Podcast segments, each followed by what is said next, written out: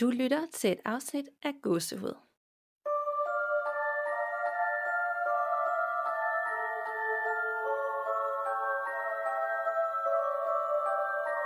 Hej Nana, Hej Danika. og velkommen til episode 68 til jer, der lytter med derude. Ja, Ja, her i øh, slut januar sidder vi optager, og afsnittet udkommer så i februar, så vi har i hvert fald klaret den første måned i lockdown part 2. ja, det har vi. Og lige, jeg kigger lige op lige det, du siger der, og så kan jeg bare se, det snær med sådan nogle kæmpe snifnuk ude for min vindue. Nå, det gør det ikke her. Nå, hvor sjovt. så sætter det også lidt stemning for det, vi skal tale om i dag, fordi vi har jo vi har jo egentlig ikke som sådan et emne i dag. Vi havde brug for, at det skulle være lidt mere frit og åbent, så det ikke altid er sådan, det er kun det her, vi kan snakke om. Ja, det er rigtigt. Og vi havde også begge to øh, behov for at komme lidt hjem til Danmark og genfinde nogle af de hjemsøgte steder, fordi det er bare som om, at det er lidt mere uhyggeligt, når det er tæt på, og man kan forholde sig bedre til det, end når vi taler om USA og Asien. Sådan har jeg det i hvert fald. Helt klart. Plus, at det også er sådan øh, nogle, nogle steder, man kan sætte på sin bucket list, man skal besøge, som er lidt mere realistiske, end netop når vi snakker sådan helt over Atlanten og alt muligt, ikke? Nemlig. Og det er også langt sjovere at research til på en eller anden måde, fordi det er så tæt på, og man tænker, gud, sker sådan noget her bare lige øh, nogle gange få kilometer væk. Ja. Men øh, inden vi går i gang, så skal jeg da lige høre, om der er sket noget uhyggeligt siden sidst. Det kunne jo være. Ja, altså, øh, der er ikke sket noget uhyggeligt, som sådan har skræmt mig. Men øh, altså, mit, mit gulv, det begyndte at knirke øh, igen på den der måde, som det gjorde før, hvor det ligner fod, fodtrin, øh, og ikke bare sådan kun af gulvet, der åbenlyst giver sig. Åh oh, nej.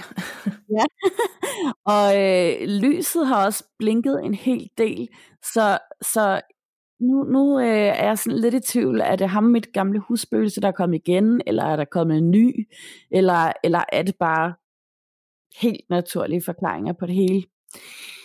Men samtidig så er jeg også begyndt, ligesom øh, jeg mener det var sidste gang, jeg fortalte, at øh, jeg havde hørt den der beskedtone lyd, Mm. Klart og tydeligt. Og så først flere dage senere, så havde jeg en ven på besøg, hvor at, øh, at den lige pludselig kom. Øhm, jeg har ikke sådan nogen forudsigelser på den der måde der, men jeg har bare begyndt at høre lyde, der ikke passer ind sådan lige pludselig med det hele. Det er meget mærkeligt. Jeg ved ikke, om det bare er noget psykisk, min hjerne, der lige sådan... Det er jo ret creepy. Ja, det er ret creepy. Underligt. Ja, men måske også lidt fedt, hvis det er sådan lidt premonition-agtigt, at du sådan, inden det sker, kan sådan, det her, det kommer til at ske-agtigt. Ja, ja, det kan jeg bare ikke engang. Jeg kan bare høre lyde. Ja, inden de sker, ikke? Og så kom dine venner og havde den der besked to, men det kan være, det er sådan en begyndelse på noget, du kan sådan arbejde mere med, og sådan tune ind.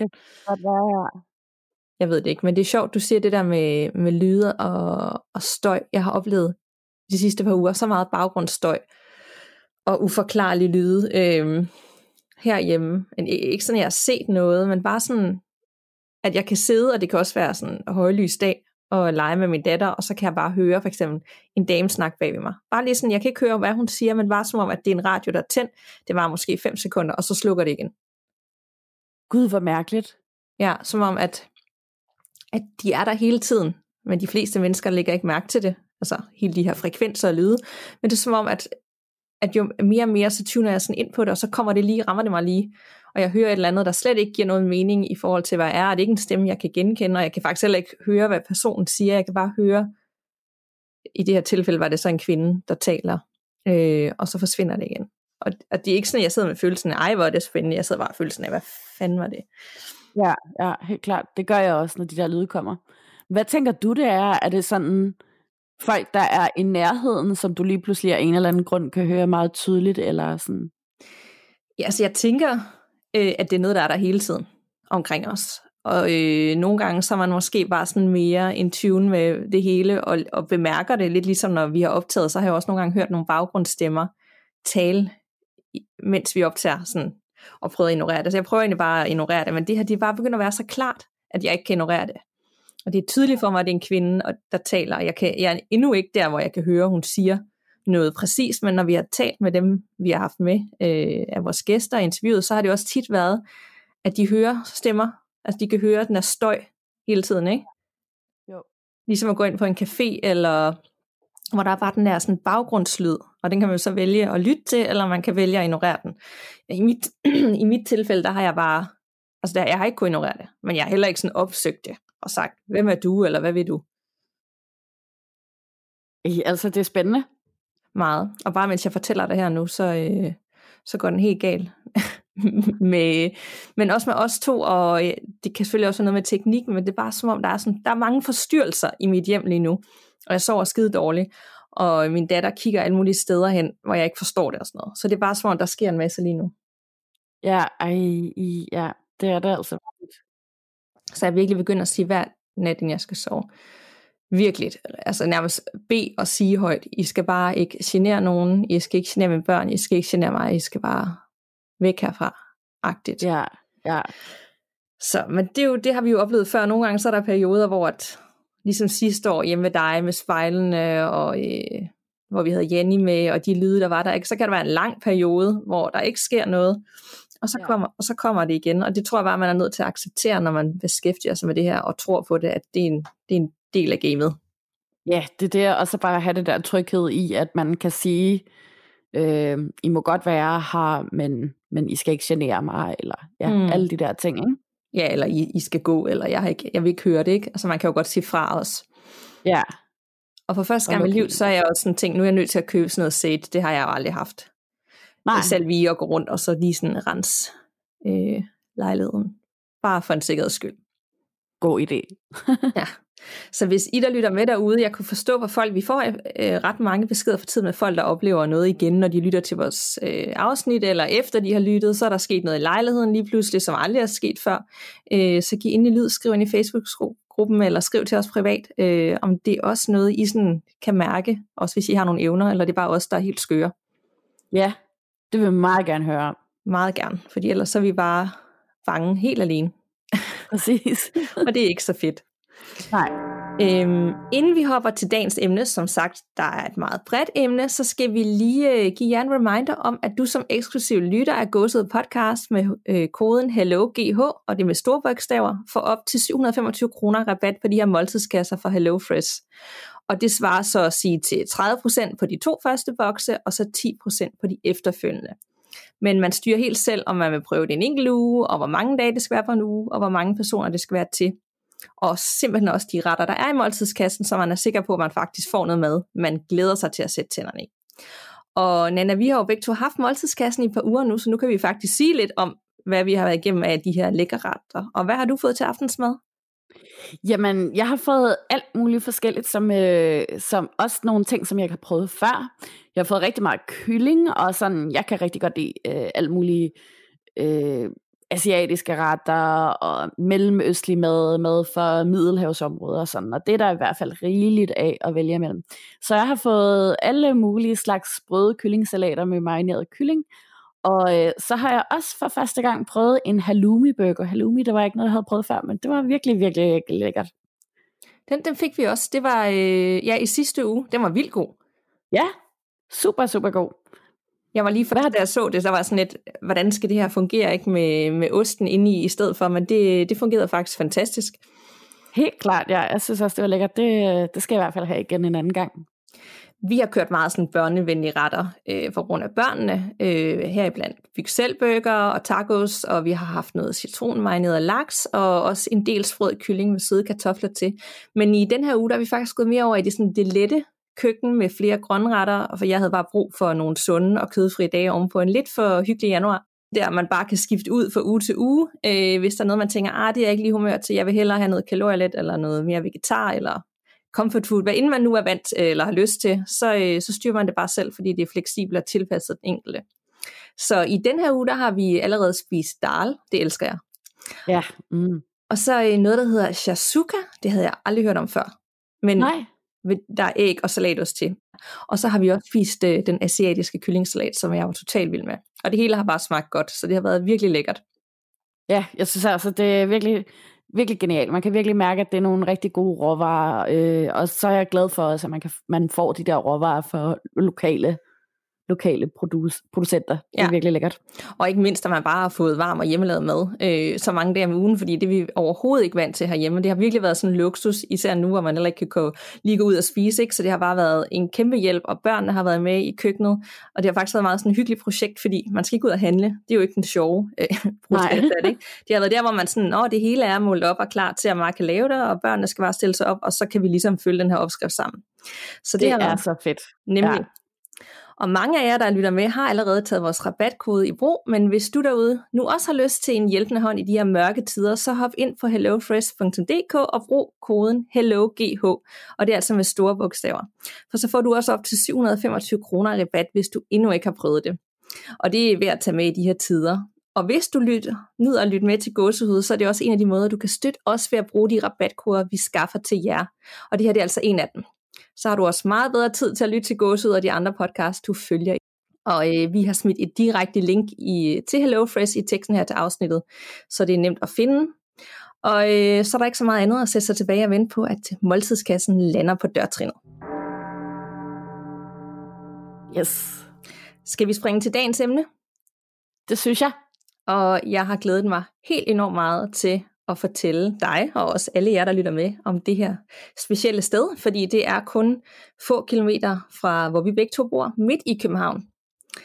Et meget gammelt hotel, som de fleste nok kender i Danmark. Øh, jeg ved faktisk ikke, om det nærmest er det mest kendte eller ældste. Det er nemlig Hotel d'Angleterre. Og jeg tror, de fleste af os på en eller anden måde drømmer om at prøve at overnatte på det her luksushotel øh, i København. Men det er nok ikke alle, der ved, at i hotellets mange værelser, så sker der også uforklarlige hændelser. Det vidste jeg i hvert fald ikke. Det vidste jeg heller ikke. Men først en utrolig spændende historisk tid, tidslinje om hotellet, fordi jeg sad i hvert fald klistret til skærmen, som jeg researchede. Øh, og det gik virkelig op for mig, at der er så meget historie, men også tragedie lige midt i København man kan jo godt bare cykle forbi og ikke rigtig gøre sig de store overvejelser om de her steder, som faktisk er her. Men her, der er virkelig, virkelig, virkelig meget historie bag. Det startede øh, tilbage i midten af 1700-tallet, hvor den unge frisør og sminkør, Jean Marchal, han kom til København med en teatertrup på gæstespil. Og øh, han bosatte sig så i byen og blev ansat som kammertjener hos datidens mest kendte kvindebedår, der hed Greve Konrad Daneskjold Lavervig. Det lyder også meget sådan kvindebedåragtigt, ikke? Jo, det gør det virkelig. Og af den vej, der mødte han den kongelige koks datter, øh, Maria Corfi, som han forældede sig i. Og hun var meget berømt for sit talent i et køkken, og han vidste jo så alt om at betjene de her fornemme gæster, og sådan startede Hotel d'Angleterres historie. I år 1755 der etablerede de Savesøerne i Københavns yderkant, hvor de åbnede en restaurant, der hed Den Stærke Mands Have. Og allerede i efteråret samme år, der flyttede de så ind på Kongens Nytorv på hjørnet af Vingårdsstræde. Og det er sikkert for det her tidspunkt, at man regner med, at øh, Hotel d'Angleterre blev grundlagt, selvom navnet først kom til cirka 30 år senere. Der sker desværre bare det, at øh, Maria Marchal hun dør i en alder af kun 32 år, og Sean Marshall her indgår så et nyt ægteskab et par år senere, men dør allerede som 44-årig. Og hans enke driver så hotellet videre i 11 år, hvorefter hun sælger det til den tyske traktør Gottfried Rav, som i forvejen er vært for den engelske klub i København. Og de her love, som er i klubben, dem overfører han så til sin nye ejendom, og ændrer også hotellets navn til det franske Hotel d'Angleterre efter tidens mode. Og jeg var lige inde og søge på Google, hvad er det egentlig, D'Angleterre betyder, men det betyder faktisk Hotel England. Hmm. Øh, og så er der lige sådan en lille fun fact, men det synes jeg var meget interessant, for det var nemlig på D'Angleterre, at den danske politiker og teolog Ditlev Gotthard Monrad, han præsenterede sit udkast til en ny forfatning for datidens lovgiver i 1849. Og det var altså grundloven, som øh, han fik lavet der. Og det var jeg heller ikke klar over. Nej, det er ret vildt. Altså, der er generelt ret mange historiske personer, som øh, har udrettet ret store ting på det her hotel. Ja. Øh, de har også fungeret som hovedkvarter for generaler, officerer og faktisk også asyl for krigsflygtninge ved flere lejligheder.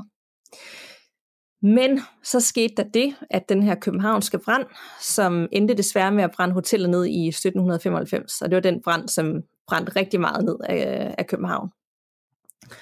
Og Gottfried Rav, som ejede øh, hotellet på det tidspunkt, han vurderede, at det ville blive alt for dyrt, øh, dyrt at genopbygge det.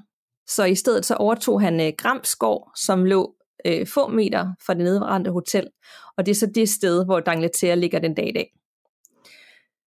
Hotel Dangleterre skifter så atter ejer, og det gør de flere gange i løbet af årene, hvor hotellet både bliver udbygget og renoveret, så de kan konkurrere med udlandske luksushoteller.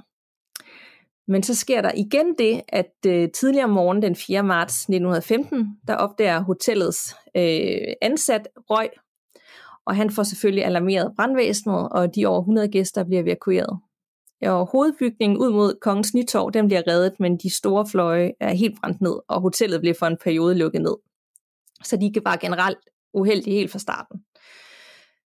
Så når de lige at få det lidt styr på det igen, men så rammer Første Verdenskrig øh, og den russiske revolution, og derfor så ankom der en strøm af russiske flygtninge til København, og Hotel d'Angleterre blev så en længere periode brugt som tilflugtssted for de af flygtninge, som tilhørte den højere adel og øh, zarhoffet. Hotel d'Angleterre nåede lige tilbage til sin storhedspragt, inden verden atter befandt sig i en krigssituation, fordi den 9. april 1940, dagen for Tysklands besættelse af Danmark, så markerede de samtidig, at det var d'Angleterre, de skulle øh, være på. De indtog hotellet, og der kom vagtposter, der tog opstilling ved indgangen, og generelt så blev det bare brugt som øh, tyskernes sted, og det var danskerne jo vildt utilfredse med, og de endte faktisk også med at boykotte hotellet i øh, mange år. Så de øh, fem års besættelse, det havde sat sin tydelige spor, og øh, huset trængte til en gengribende og bekostelig restaurering. Og øh, det skulle selvfølgelig vejes op mod den usikkerhed, der var for fremtiden, som prægede i de her efterkrigsår.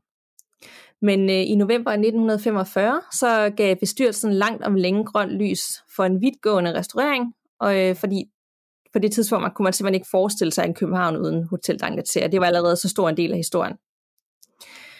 Restaureringen af den gamle bygning blev langt mere omfattende end først antaget, og selv 10 år senere, i forbindelse med, at de havde 200 års jubilæum i 1955, der manglede man fortsat at renovere øh, flere af faciliteterne. Men det blev langt om længe færdigt, og i de følgende årtier, der levede det en omskiftelig tilværelse med skiftende ejer.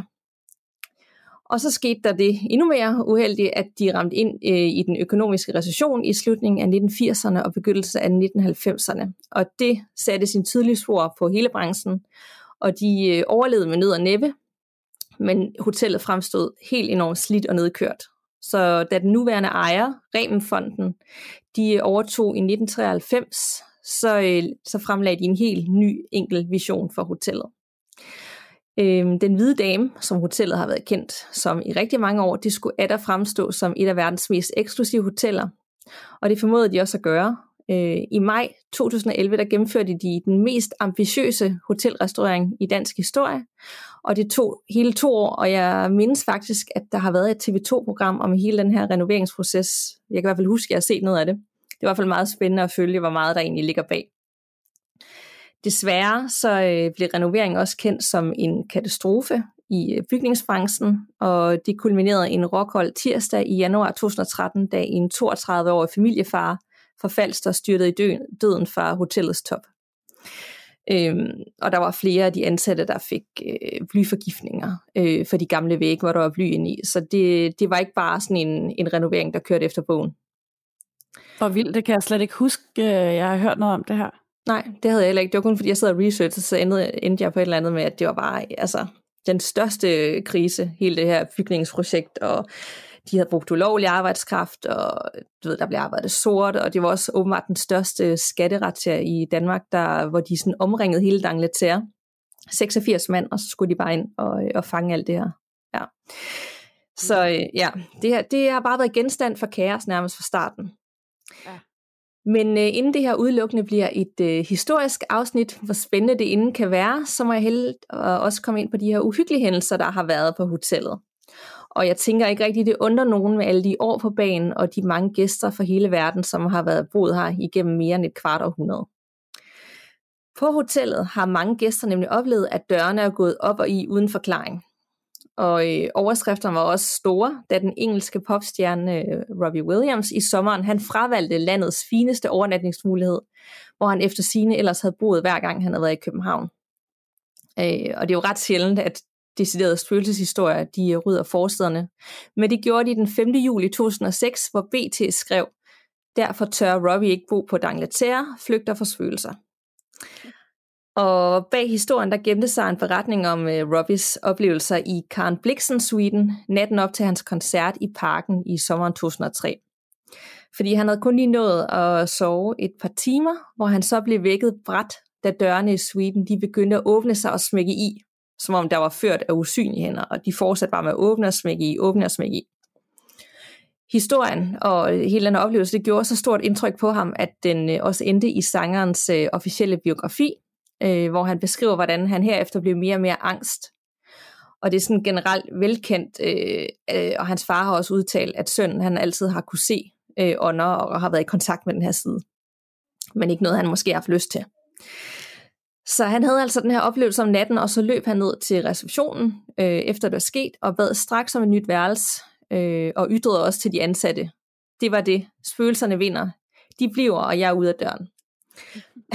så han fik et nyt værelse den nat, fordi det var midt om natten, men han nægtede simpelthen at sætte sin ben på Dangleterre igen. Og der gik 10 år, hvor han boede på alle mulige andre hoteller, når han skulle over, før han turde bare komme lidt tilbage. Det var hans yndlingshotel, men han var heller ikke øh, interesseret i at blive skræmt for videre sands. Mm. Og der er faktisk rigtig mange gæster, der gennem årene har fortalt, hvordan de pludselig mærker noget omkring sig. Øh, de føler en forbipasserende kulde eller varme, og øh, de ansatte de beretter om den her hvide dame, som bor permanent på hotellet. Og historien går på, at hun i virkeligheden er en tidligere gæst, øh, en gammel jødisk kvinde, der boede på hotellet i næsten 30 år i streg, og hun har så aldrig forladt stedet. Og efter den her øh, omfattende renovering var færdig i 2013, så var den hvide dame også tilbage øh, på hotellet. Da Else Marie Remen, som er formand for bestyrelsen af Remenfonden, som ejer Dangleterre, hun blev spurgt, om hun selv var stødt for den her hvide dame, så svarede hun, ja, hun driller os ind imellem. For eksempel da Allan Eversen, som er hotellets øh, kreative direktør, og jeg lavede Victor Borgs suite om, der havde vi vendt et skrivebord væk fra vinduet og flyttet over mod væggen. Næste morgen stod det på sin gamle plads.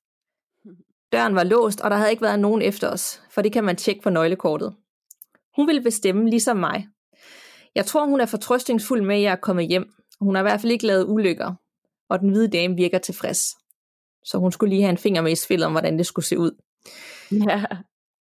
Og i de her mange hotelværelser, så er det mest almindelige fænomen netop, at dørene går op og i sådan virkelig hårdt øh, hele tiden, øh, når de mange genfærd går igennem lokalerne. Og det er præcis også det, der skræmte livet af Robbie Williams dengang. Den norske forfatter Bjørn Stjerne Bjørnsson har også haft øh, sføriet på gangene tæt ind på livet, når han overnattede på hotellet. Og H.C. Andersen, der altid boede på værelse 208, hvor han blandt andet skrev, hvad fatter gør, er altid det rigtige, har højst sandsynligt ligget skrækslagen derinde om natten, fordi det var almen kendt, at han var utrolig bange for spøgelser. Og grunden til de mange sjæle, der vandrer rundt på hotellet, især når mørket falder på, det er jo der, folk oplever det, det skyldes måske, at, øh, at de her spøgelser, de vandrer efter de steder, de kender, og som de også elskede, mens de levede. Der er nemlig mange klaviante, der fortæller, at afdøde sjæle har tendens til at besøge bestemte steder om natten. Og øh, hvis vi nu formoder, at det er rigtigt, så tænker jeg, at det er en god forklaring på, hvorfor der er så mange uforklarlige hændelser på lige netop Dangleterre. Fordi at her er der rigtig mange mennesker, der bare har levet livet og nydt det ud, uanset hvordan verden så ud uden for hotellet. Mm. Og netop med alle de her beretninger, så tænker jeg også, ej, er der nu nogle klassiske hotelreviews for TripAdvisor? der kommer ind på det, og det var der faktisk. Der var en, øh, en jeg fandt her, der var skrevet af et par fra Filippinerne, der besøgte hotellet øh, i 2016. Og de skrev, god service, men hjemsøgt værelse. Location er i top, og både check-in og check-ud var godt. Værelse 620, som er et værelse helt op ved loftet, er dog hjemsøgt. TV'et tænder og slukker af sig selv, og dørene åbner og lukker af sig selv hele tiden. Vi kunne høre tunge skridt og lyde inden for væggene. Men alt i alt et godt ophold. Så øh, Hotel d'Angleterre er hjemsøgt, og de har en meget vild historie bag sig, med nogle meget historiske begivenheder, og der har været en del tragedier også undervejs. Så hvis nu man har været så heldig at overnatte her, så vil jeg elske at høre fra jer, eller hvis I bare kender noget til historien, eller har hørt andre, der har oplevet noget. Og øh, jeg fandt også flere af de her beskrivelser, hvad der var sket i bogen Det Okulte Danmark, som vi har anbefalet tidligere. Så hvis man gerne vil dykke mere ned i det, så er det bare at læse den geniale overnaturlige bog. Og det var beretningen om Hotel d'Angleterre midt for Kongens Nytorv.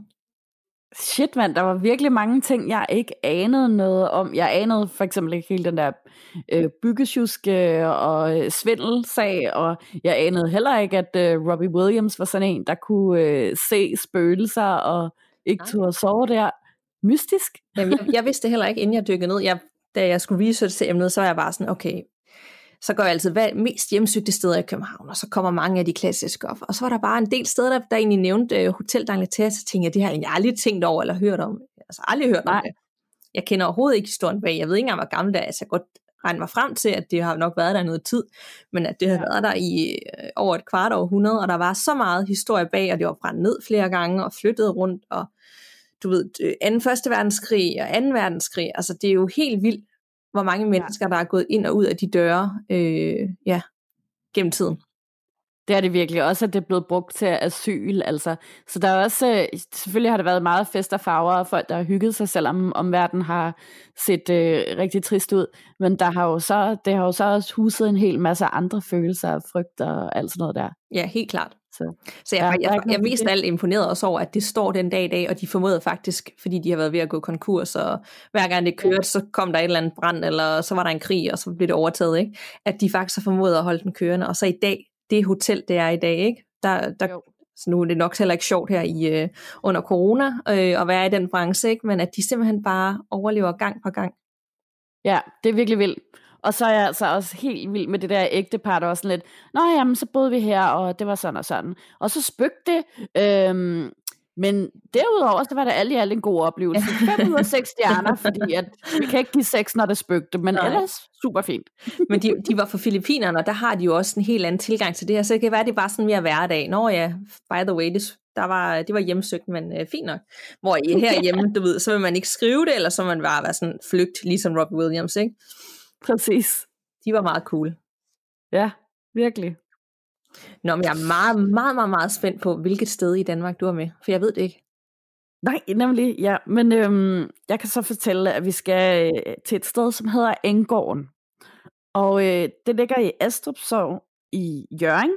Og øh, det skulle være hjemsted for det, der efter sine skulle være en af Danmarks værste poltergeist nogensinde. Wow. Ja, og øh, spæreriet på Engården, det bestod i, at øh, genstande, som for eksempel sådan nogle brændeknuder og tekander og alle mulige ting, fløj igennem luften, og tit og ofte efter tjenestepigerne, der efterhånden nægtede at opholde sig på gården. Det var sådan, at øh, pølser og frikadeller hoppede af panden og landede de mest upassende steder, og når pigerne skulle mælke, så fortalte de, at øh, det er til skete, at mælkespanden simpelthen kom den dansende i møde.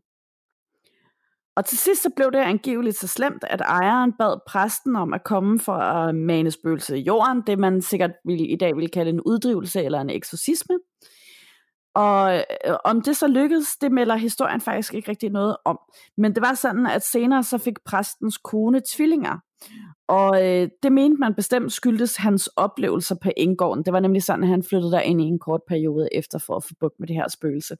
Og hvorfor at man lige tænker, at spøgelset skulle være skyld i, at, øh, at hans kone har fået tvillinger, det ved jeg heller ikke, men, men man har åbenbart tænkt, at... Øh, der, øh, der har været ja. en relation til noget overtro. Ja, forbundet med det her. Mm. Ja. Og øh, ham her, Pastor Kure hed han. Han var en ven af Engårdens ejer, som var proprietær A. Bæk, og havde selv flere gange opholdt sig på gården og overværet spørgeriet. Pastor Kure han giver i øh, Nationaltidene i 1920 en detaljeret redegørelse for begivenhederne på stedet. De begyndte i begyndelsen af december 1919 og lyder sådan her. På første sal i Engårdens stuehus, der lå pigeværelset, hvor to tjenestepiger, Marie og Jenny, lå og sov. Pigeværelset stødte til den ene side ud til et loft, og til den anden side op til noget, der hedder skolestuen, hvor huslærerinden, som underviste proprietærens børn, havde sit værelse. En aften begyndte der at banke på en af dørene til pigeværelset. Pigerne tænkte, at det nok bare var kalene, der prøvede at lave sjov med dem, Øh, så de klagede over det til proprietæren, men øh, kalene de nægtede pure, at det var dem, der lavede balladet. Den her banken, den fortsatte de efterfølgende aftener og netter, men den kunne kun høres, når begge pigerne var til stede inde på deres værelse. Torsdag den 11. december, så var der selskab på gården, og der var 20 personer, som øh, hørte om den her historie, og så gik op på pigernes værelse for at undersøge det her fænomen nærmere. Der var lys i både skolestue og inde på pigeværelset. Det, var, det vil sige, det var sådan en gammel petroleumslampe, der lyste op, for der var ikke blevet øh, indlagt elektricitet på det her tidspunkt. Men til trods for, at der var så meget lys, og at der var de her mange gæster til stede, så øh, bankede det på døren igen. Og selv da Beck tog døren af, så blev den her banken simpelthen ved. To dage før jul satte proprietær Beck sig for at undersøge fænomenet. Så pastor Kure og hans kone blev tilkaldt sammen med Bæks bror, som var svoger til Kure. Og desuden indfandt der sig en, en anden proprietær og en dyrlæge, og sovnets egen præst her Møller med, med hans kone, der også var med. Pigerne blev sendt op på værelse kl. 22.30, og så skulle de sende en besked ned til øh, selskabet, når bankningen begyndte. Og det varede heller ikke længe, før de meddelte, at øh, nu var det altså startet derop. Så selskabet gik derop og stillede sig i skolestuen, hvor der var lys. Pigerne sad i mørke inde i deres værelse på en seng ved døren til skolestuen. Bankningen lød som tre slag på døren ud til loftet. Pastor Kure forsøgte at banke på døren til skolestuen, og bankningen flyttede nu herover. Kure og ånden bankede nu et stykke tid til hinanden, og ånden gjorde det så kraftigt, at døren rystede. Kur forsøgte nu at gå ind til pigerne, der sad i mørket, men bankningen fortsatte stadig. Da pigerne på et vist tidspunkt gik ud øh, af loftsdøren, fulgte bankningen med dem. Og Kure lånte pigerne stå ude på loftet sammen med en del af selskabet, der var udstyret med en lampe, og blev selv tilbage inde på værelset. Det bankede stadig, og da Kura ville gå, fik døren sådan et slag, at nøglen røg af. Derefter gik de alle sammen ned under igen. På nytårsaften, som var på en onsdag, havde en af pigerne fået sin seng stillet ud i skolestuen med et par bænke til at holde på sengetøjet. Hun kunne så høre en krassen, der lød lidt ligesom nogle negle, der, skra- der skrabede hen ad bænken. Og i dagene efter, der tog aktiviteterne bare mere og mere til. For eksempel hørte pigerne slæbelyde op ad døren, og den her banken, den kunne også høres i spisekammeret og inde i spisestuen, så den blev ligesom begyndt at være i resten af huset også. Det begyndte at fløjte, når pigerne gik forbi hinanden, og om natten så klagede de over, at de kunne høre nogen, der råbte, åh, og Hjælp mig! Ting begyndte at flytte af sig selv. Der var for eksempel noget tørv for tørvekuren, der fløj op og ramte pigerne i ryggen. Og da en fodermester kom til for at hjælpe dem, så blev han også ramt af det på sin ryg. Brænde fra loftet, de øh, for ned efter pigerne ned ad trappen, så de næsten blev ramt af det, og det kunne godt gøre rimelig ondt få sådan en brændeknude i nakken, tænker jeg. Ja. Og, øh, og pigerne her, og så flere af de andre beboere på stedet, de ramtes af stød i ryggen, som om der var nogen, der skubbede til dem. De fortæller også, at der er en lysdu, sådan en øh, lille bordserviet ting, man sætter lysestager på, som kan samle sterin op. Øh, den fløj op fra bordet og havnede på hovedet af den ene af pigerne.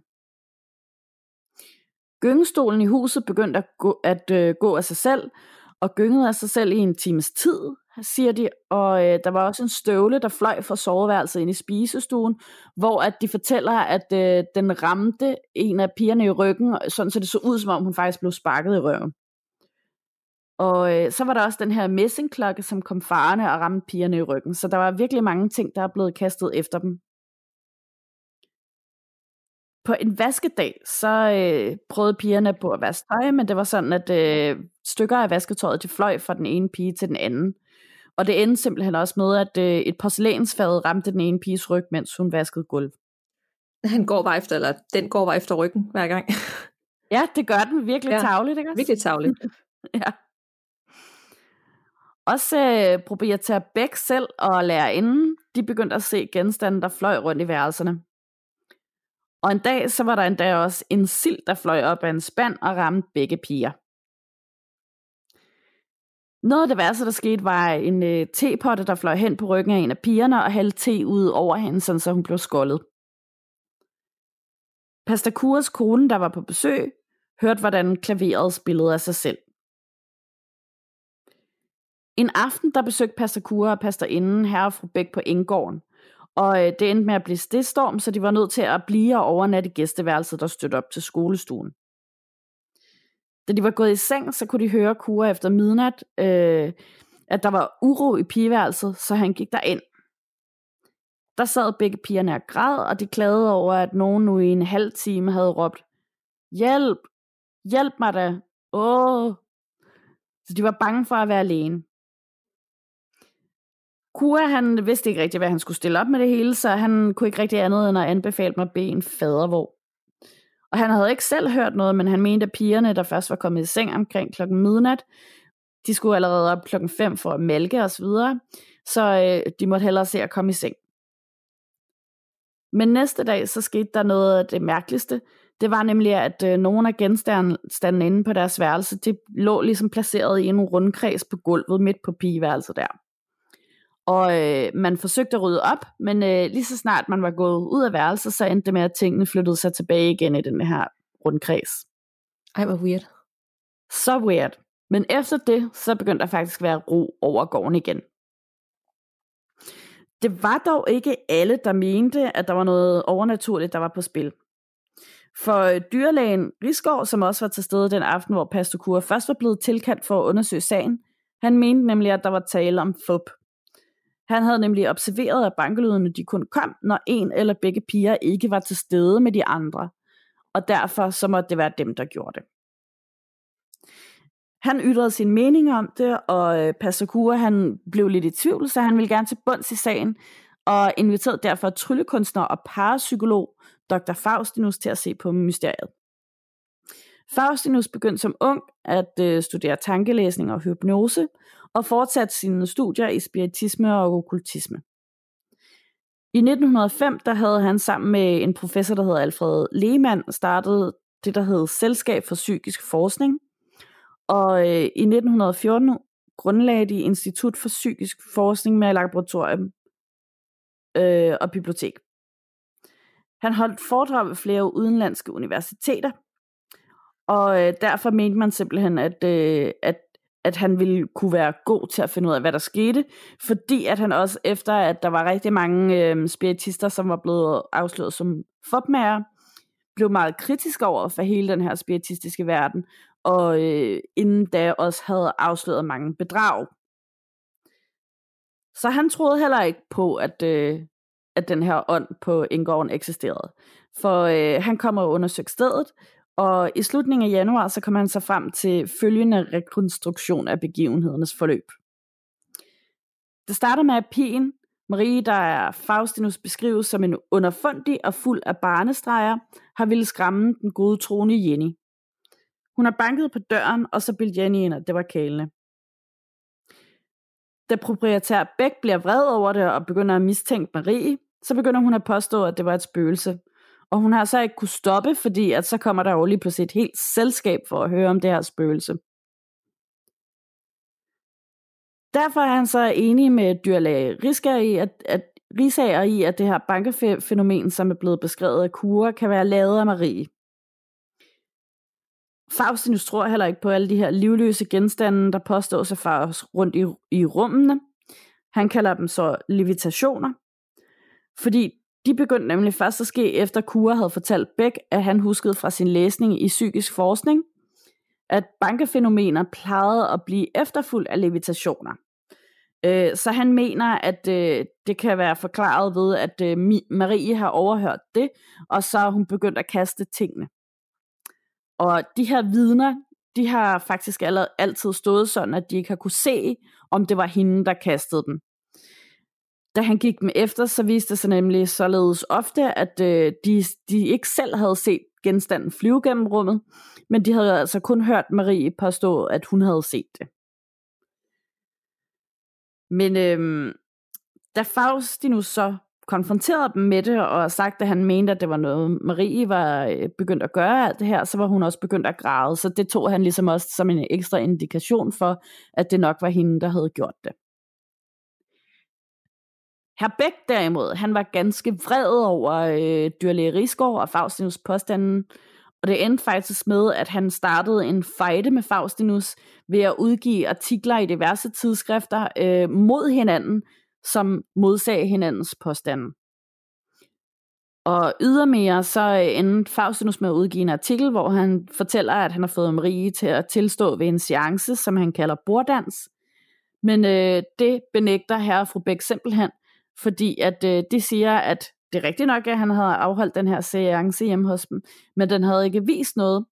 Og Marie, hun var kun begyndt at græde, fordi hun var blevet bange, men hun havde altså ikke tilstået noget.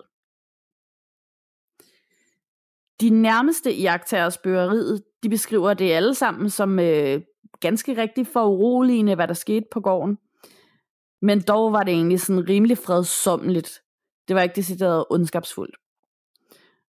Rygterne om fænomenet er straks meget værre, øh, og øh, der har Faustinus refereret til flere historier, som han havde hørt, blandt andet toget på vej op til Jørgen, hvor han skulle undersøge sagen. Øh, og der havde han for eksempel hørt, at øh, Pastor Kura skulle være blevet slået så alvorligt af det her spøgelse, at han har måttet søge læge, og at øh, en af de andre proprietærer, som var på besøg i huset, var blevet fundet besvimet af skræk op på loftet. Øh, og andre skulle have været ligget syg, efter at øh, de havde været på besøg og overvejet de her forfærdelige ting, der var sket.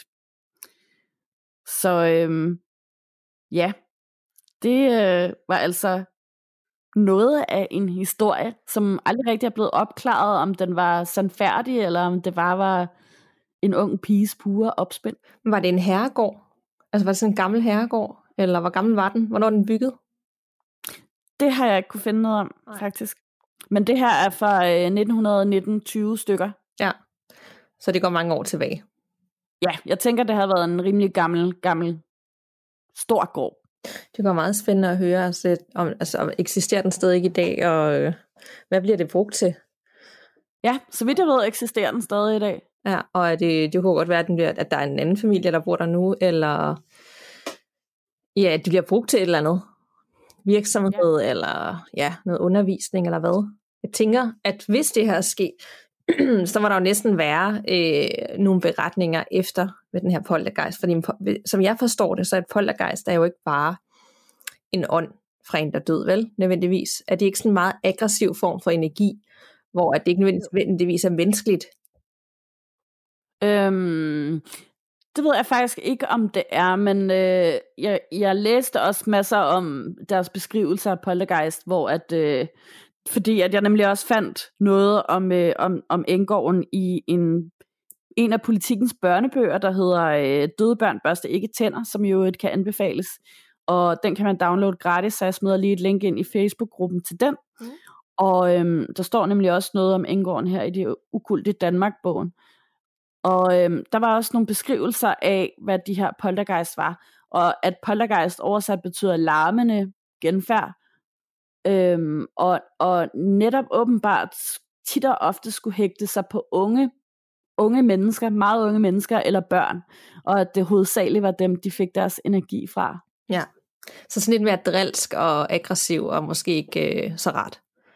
Ja, nemlig. Ja. Du skal, du skal næsten også lægge nogle billeder ind. Jeg er helt nysgerrig på, hvordan det ser ud nu. Også i dag, er det sådan helt faldfærdigt, eller er det velbevaret og et rigtig flot sted? Ja, jeg skal prøve at finde nogen og kan vide. Det kan være, at vi også lige skulle tage en søgning i Facebook-gruppen. Vi har jo så mange søde lyttere, som har besøgt alle mulige spændende steder i Danmark. Det kunne jo godt være, at der er nogen, der har lagt billeder op tidligere, eller beskrevet det, eller hørt det fra, hvis de bor i nærheden, at det er sådan en, en, en kendt øh, historie, der hvor de kommer fra. Det kunne jo være. Det kunne være fedt at høre, ja. Der er 100% nogen, der lytter med nu, der sikkert har hørt om det her sted, eller ved, hvor det ligger. Det må der være, ja. Men hvad siger din mavefornemmelse? Siger, siger den, at det her det er sket, eller var det noget, hun fandt på? Er det ikke også lidt vildt at finde på så meget, og, og skade hinanden, og kaste tekander med kogende vand, altså bare for sjov? Jo, altså det tænker jeg og selvom de andre vidner har øh, stået med ryggen til hende, og ikke kunne se, om det er hende, der øh, har kastet tingene, så synes jeg godt nok også, det er vildt, at øh, hun skulle for eksempel have kastet den der tekande med skoldende vand ud over den anden pige.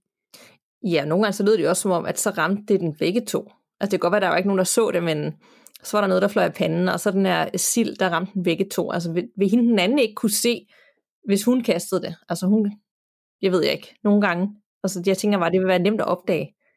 Ja, det tænker jeg nemlig også. Det var, at man vender sig jo om med det samme, og altså sådan, så hurtigt kan hun vel heller ikke være, at hun bare kan lade som ingenting. Så hun må også have været en, en, en virkelig gudsbenået skuespiller, hvis hun har kunne.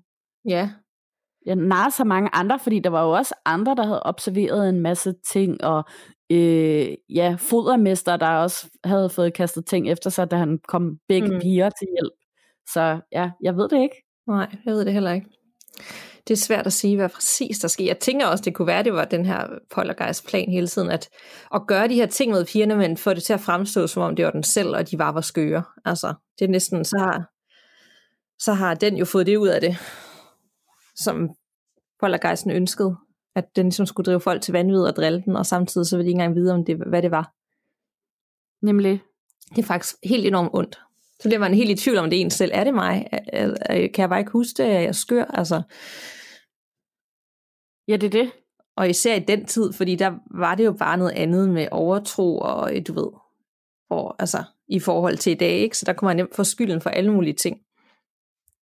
Ja, men helt klart, altså også bare det, at øhm, ham her Faustinus, der øh, studerede alle de her ting, at det ligesom også var bundet sammen, øhm, at han var parapsykolog, så det var sådan, hele den her spiritistiske, spiritistiske side, den var ligesom knyttet til mm. ja, psyken og mentale studier, ikke?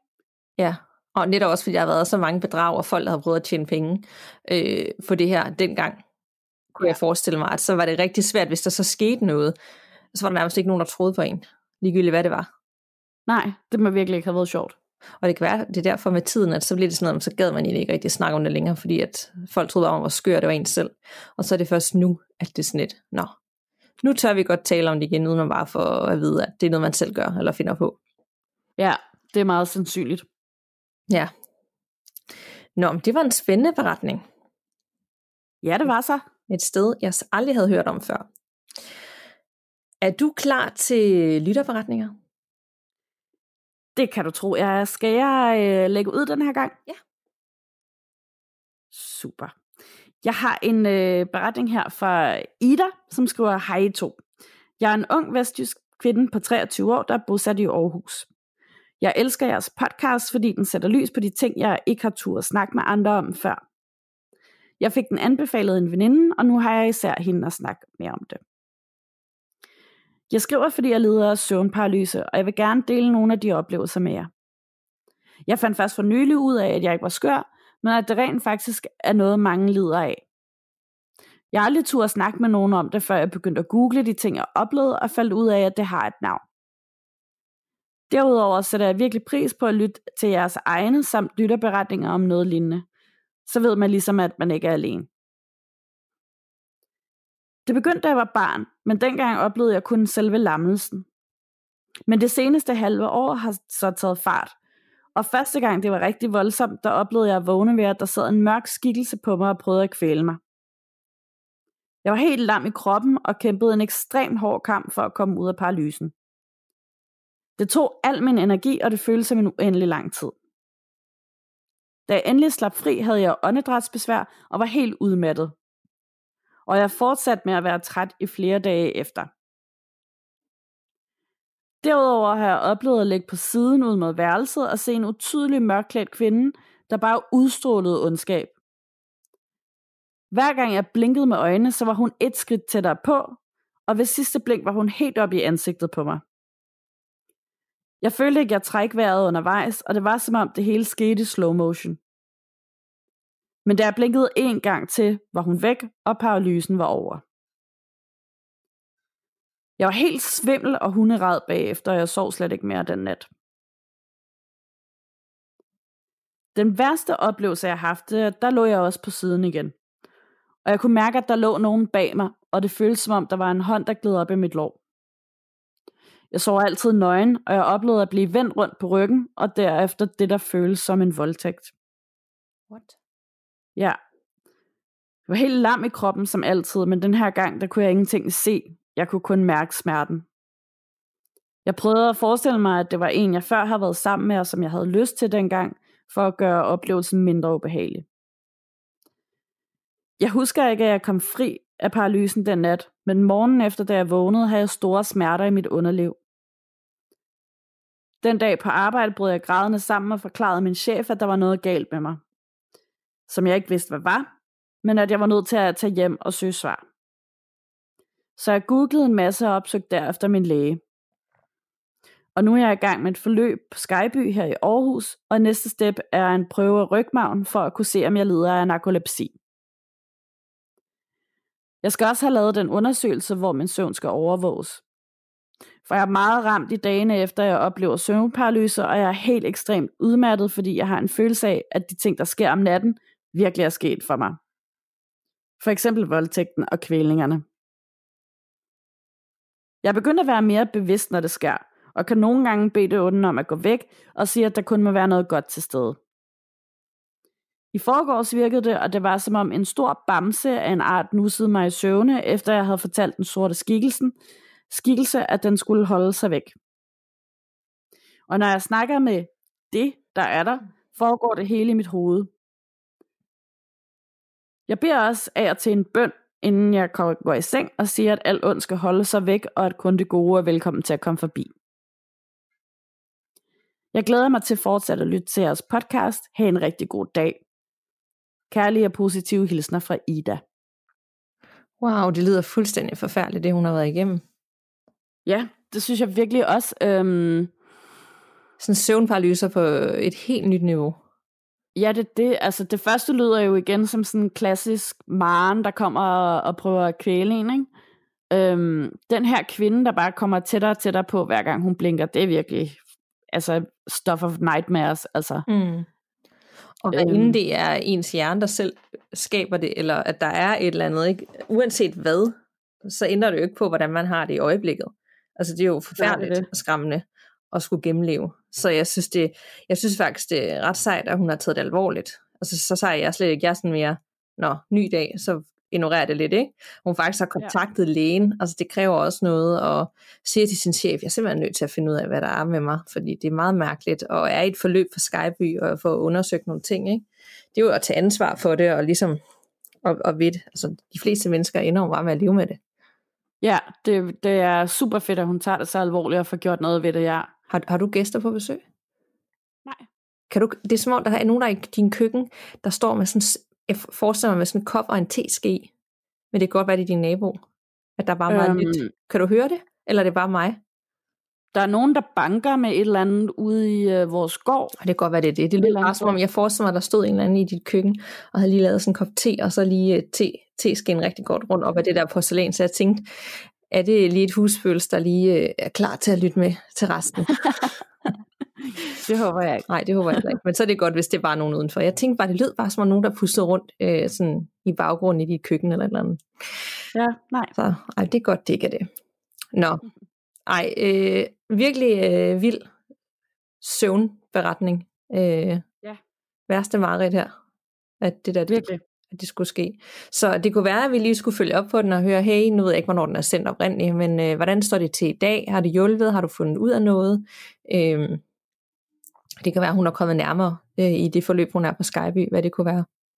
Helt klart. Jeg synes, vi skal have en update. Den er nemlig sendt, for, den er sendt i sommer, så øh, ja. der kunne godt være en update liggende der. Det kunne da godt.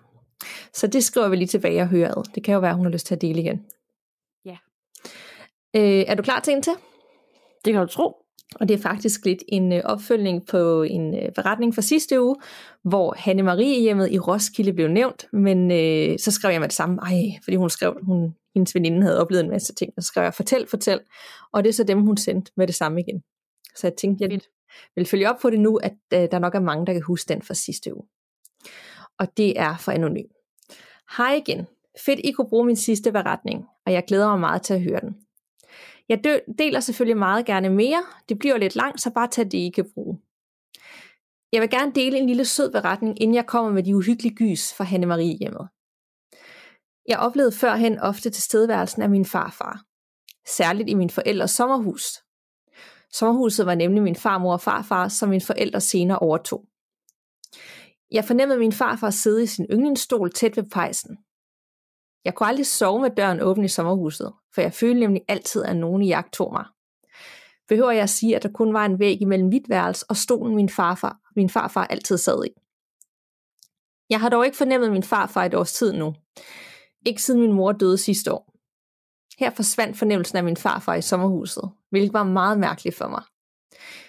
Jeg har fået at vide af en spirituel coach, at det er min farfar, der tager sig af min mor og viser hende til rette i den anden verden, og han derfor ikke har tid til at være der for mig. Så det er egentlig okay, han er lidt fraværende nu. Nå, det var nok af mine oplevelser.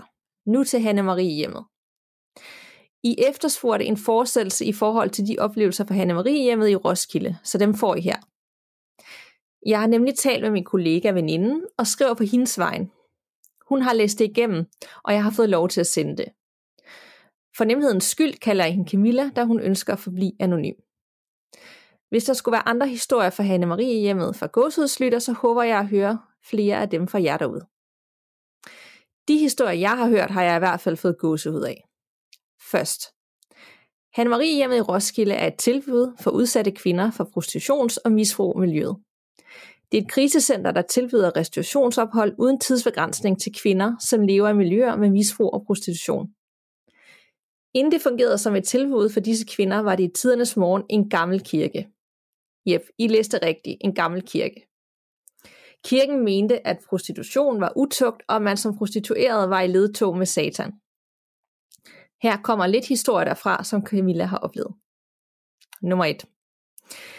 I deres rådighedsrum, hvor personalet skulle sove om natten, når de havde nattevagt, lukkede den ene dør altid af sig selv. Dette selvom der hverken var træk eller andet, der kunne få den til at lukke, og ingen skæve hængsler eller noget. De måtte ofte sætte noget i klemme i døren, for den ikke gik i. Nogle gange så svingede lamperne i hjørnet også frem og tilbage uden grund. Der var ikke rigtig nogen, der talte om det, men de ansatte havde det mærkeligt med at sove i det rum. Ofte sov de faktisk slet ikke, men lå vågne hele natten. Fælles var, at de alle følte, der var en i rummet hos den, der kiggede på den og ikke ville have den der. En dag talte Camilla med sine andre kollegaer om det. Flere oplever, at der er noget galt med det rum. En kollega, som selv var lidt spirituel, går ind i rådighedsrummet og siger, hvem end du er, så skal du altså forlade rummet nu. Og herefter får hun kastet en pude i nakken ud af det blå. Der er igen en ting, der kommer lige i ryggen. Historie nummer to. Camilla står inde i medicinrummet og skal dosere medicin. Hendes anden kollega er også inde i rummet, og der er ikke andre på arbejde den dag. Kvinderne, der bor der, er alle ude af huset i løbet af dagen, så der er ingen hjemme ud over Camilla og hendes kollega. Mens de står og pakker medicin, bliver der hævet i dørhåndtaget ind til rummet. Hurtigt op og ned, op og ned, igen og igen. Da de åbner døren, er der ingen, og det sker flere gange. Til sidst ignorerer de det bare, og de taler aldrig om det. Historie nummer 3. Camilla kører ud for at handle, mens hendes kollega bliver hjemme i huset. Der er ingen i huset, da alle som vanligt er taget ud i løbet af dagen. Kollegaen er derhjemme og hører, at Camilla kommer retur. Hun hører lyden af hoveddøren, der åbner og lukker, lyden af raslende nøgler og fodtrin, der kommer ned ad gangen. Hun synes godt nok, det er mærkeligt, at Camilla ikke siger hej eller kommer ind til hende. Hun kalder på Camilla, men der kommer ingen respons. Måske Camilla bare ikke har hørt hende. Da Camilla vender tilbage til Hanne Marie hjemmet efter sin indkøbstur, bliver hendes kollega helt hvid i hovedet. Hun ligner virkelig en, der har set et svøvels. Hun havde jo hørt Camilla komme hjem for længe siden, men Camilla havde ikke været i huset på det tidspunkt, så nogen er gået igennem huset med resten af nøgler. Historie nummer 4. Camilla overvejer at søge væk fra Hanne Marie hjemmet. Hun vil gerne prøve noget andet og føler sig lidt drænet. Hendes datter vil aldrig besøge hende på arbejde. Hun siger, at der er noget ondt der, og hun nægter at komme med ind, så hun venter altid på Camilla i bilen. Anyways, Camilla skal lige ordne nogle ting i køkkenet, som ligger nede under i kælderen. Og her er der tændt sluk lys, når man går ind i rummet. Hun gør rent og sætter ting på plads og tømmer opvaskemaskinen. Hun fornemmer, at nogen er bag hende og tror, det er hendes kollega. Hun ser nemlig en skikkelse. Så hun siger ud i luften, gider du ikke hjælpe til i stedet for bare at stå der? Hun vender sig grinen om, men der er ikke nogen bag hende. Og når Camilla fortæller den dag i dag, er hun overvist om, at hun så en skikkelse bag sig. Hun skynder sig at forlade rummet, og da hun går ud, slukkes lyset derfor. Og da hun er oppe på øverste trappetrin og kigger ned mod køkkenet i kælderen, så tænder lyset i køkkenet. Der går ikke længe, for hun sidder på sit kontor, og printeren går umotiveret i gang med at printe.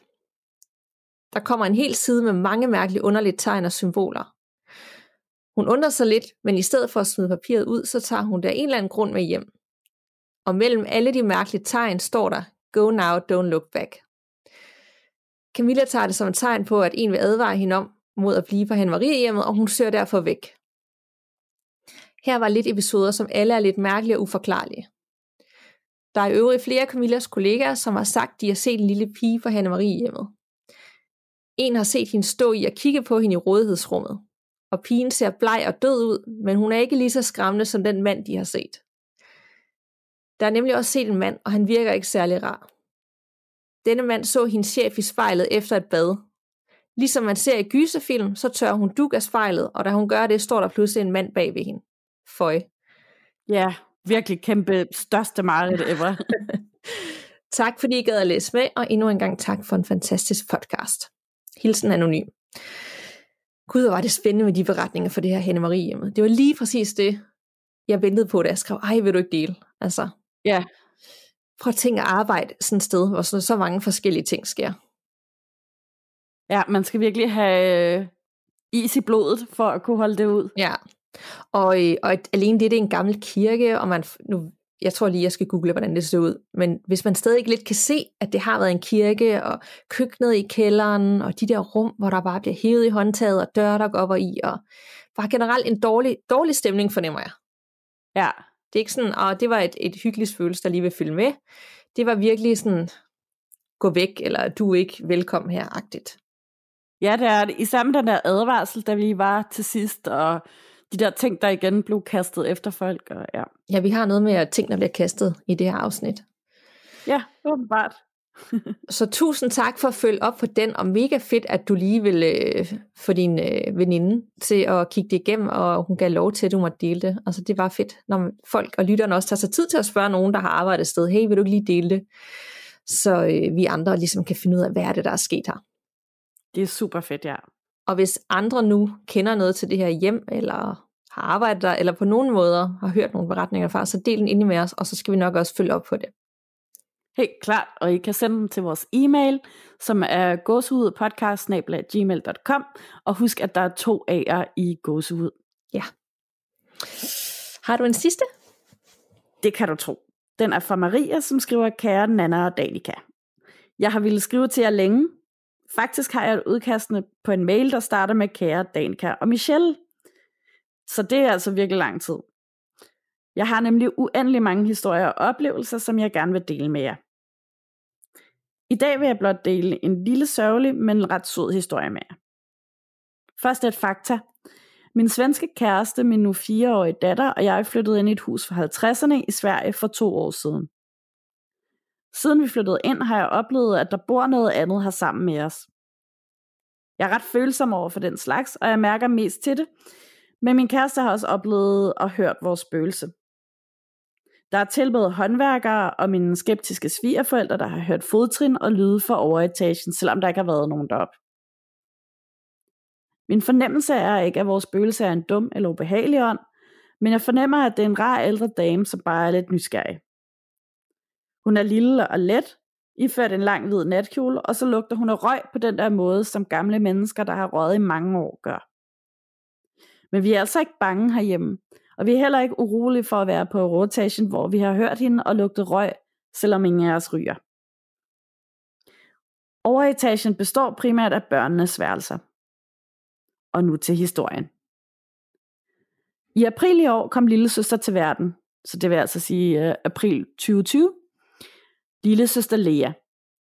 Det sødeste, mildeste lille væsen. Leas værelse er det værelse, hvor vi har oplevet mest aktivitet.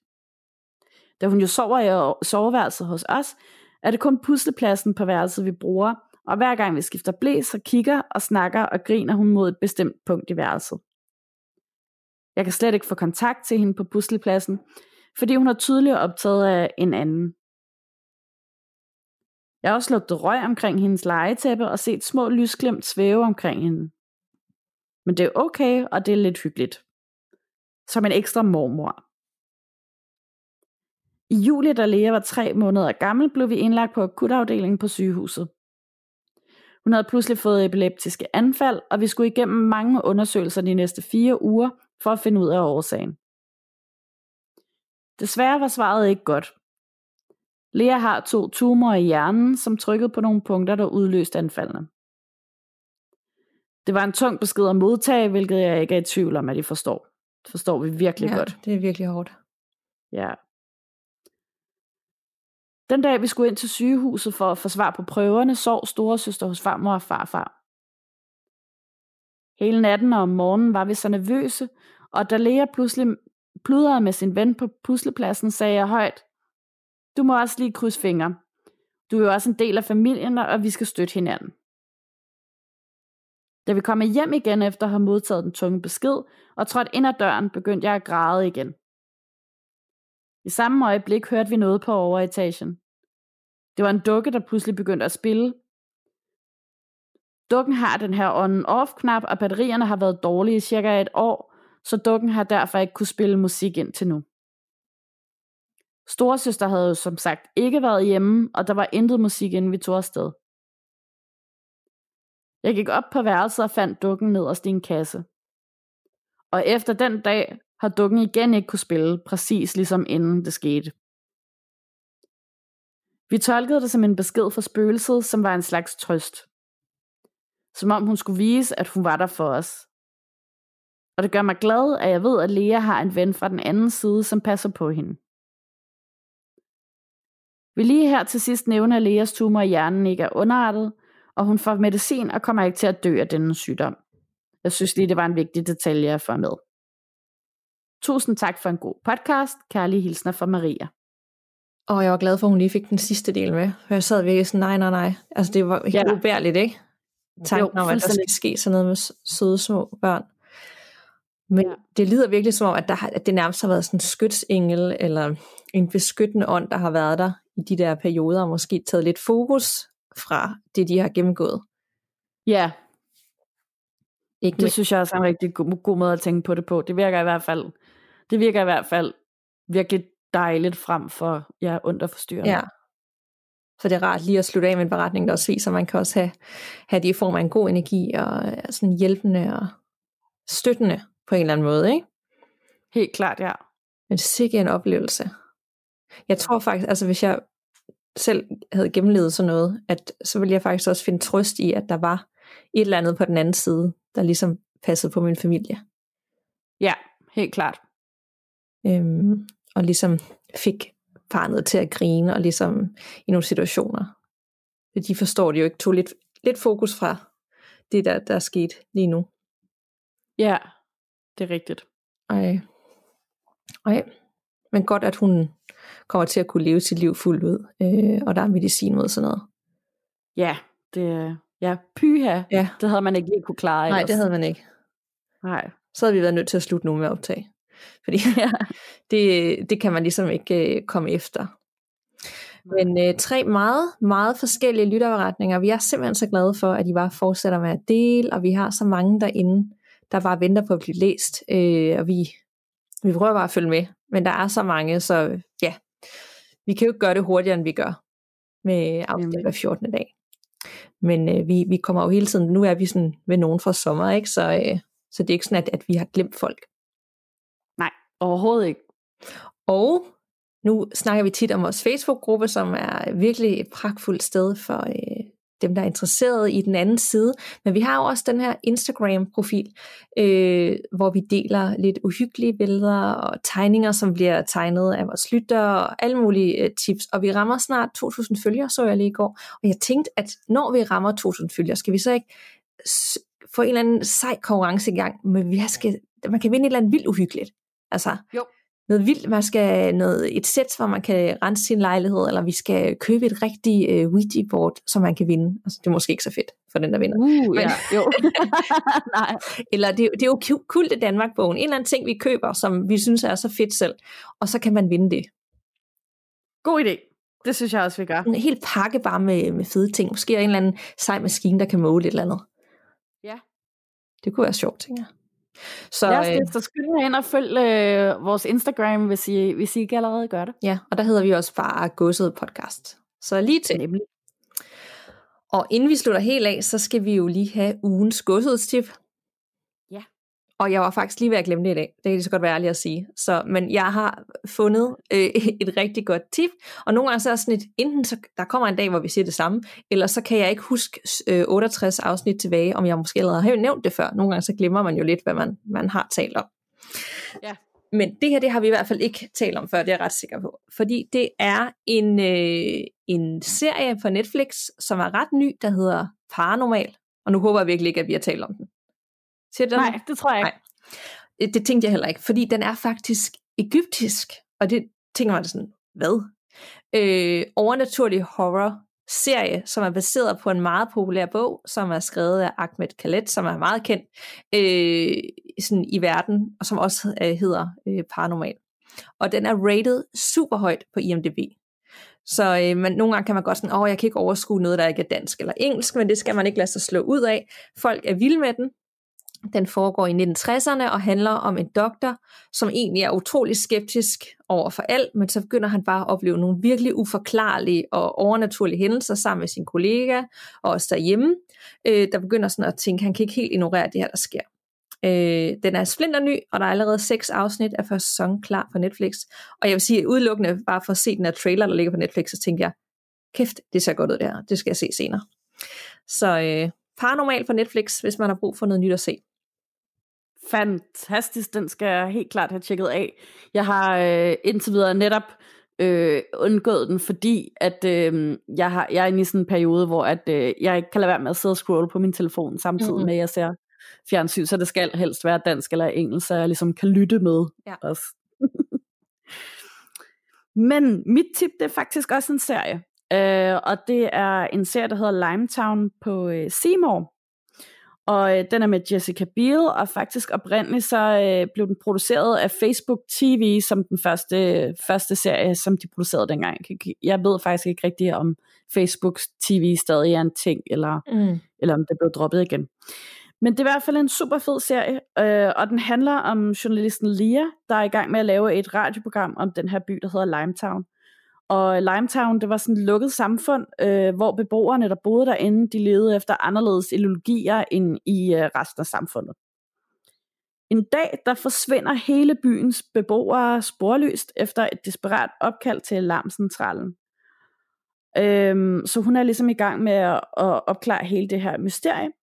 Og lige pludselig så begynder der at dukke levende op øh, overlevende fra Limetown, og de tager selvfølgelig kontakt til hende, så hun kan stille og roligt ligesom gå i gang med at opklare mysteriet om, hvad der skete. Det er også en super fed serie. Spændende, men den er jo baseret på en podcast, for jeg har i hvert fald lyttet til den her i podcastform. Det er, en, ja, det er ret sikker på, at Limetown var en af de første store podcast, amerikanske podcast, altså måske, jeg ved ikke, fire år tilbage, fem, jeg kan ikke huske det. I hvert fald huske, at jeg lyttede Det kan til godt passe. Øh, og så var den så populær, at den, øh, jeg kan godt huske, de, de taler om, de lavet den til en serie. Jeg har aldrig set den, men det er jo så nok den. For det, var, ja. det er den handling, det er det, den handler om. Yes. Jamen det er, det er helt klart den, ja, fordi det er nemlig også, altså det, de siger radioprogrammer og sådan noget, men det er meget i podcastformat, hun også ligesom optager i, så det er helt klart den. Ja.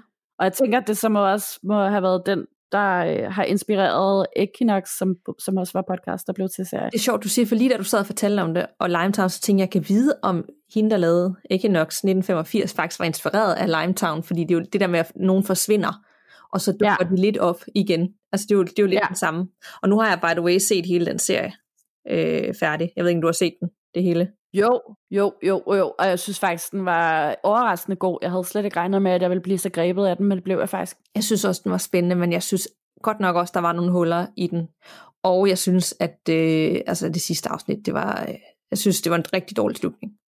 Ja, jeg synes også, det var en super, super dårlig slutning. Man brugte så meget tid på det, og så det bare sådan, nå, du ved, sådan lidt, ja. lidt ej, okay. jeg ved ikke, hvad jeg havde forventet. Altså, det er jo overnaturligt, men nogle gange kan jeg godt sidde med den der følelse af, var det det, jeg lige ja.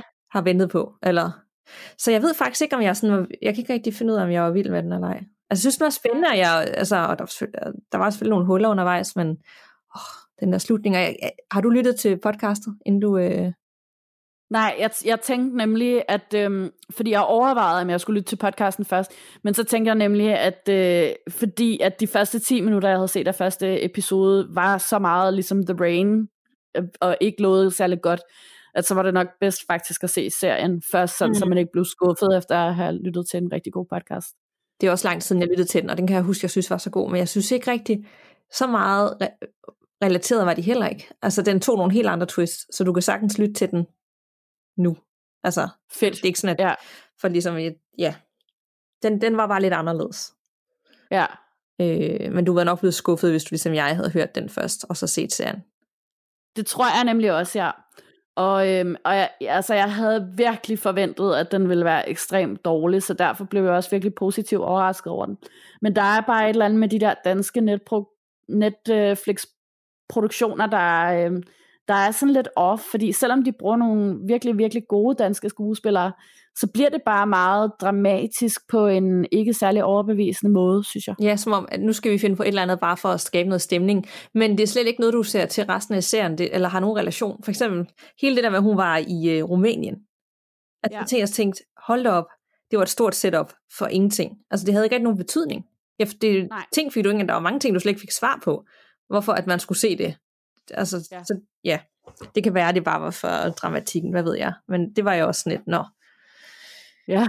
Ja, men det er også så nemt at sidde og, øh, og kritisere. Jeg, jeg kunne 100% ikke have gjort det bedre selv. Altså, jeg synes også, hun spillede godt øh, hovedrollen, og det, jeg var jo underholdt. Altså, vi så da det hele, ikke?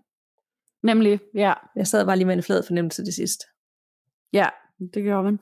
Så, men øh, giv den stadigvæk et forsøg. Altså, det er, jo, det er jo fedt, at de bare udfordrer, og der er podcast, der bliver øh, lavet til serier, og det er overnaturligt og sådan noget. Det er jo bare fedt, der er mere af det. Helt klart.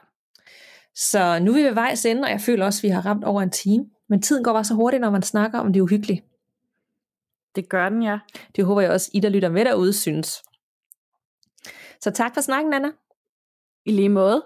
Vi lyttes ved. Og pas på derude. Man ved jo aldrig, hvad der venter bag den næste dør.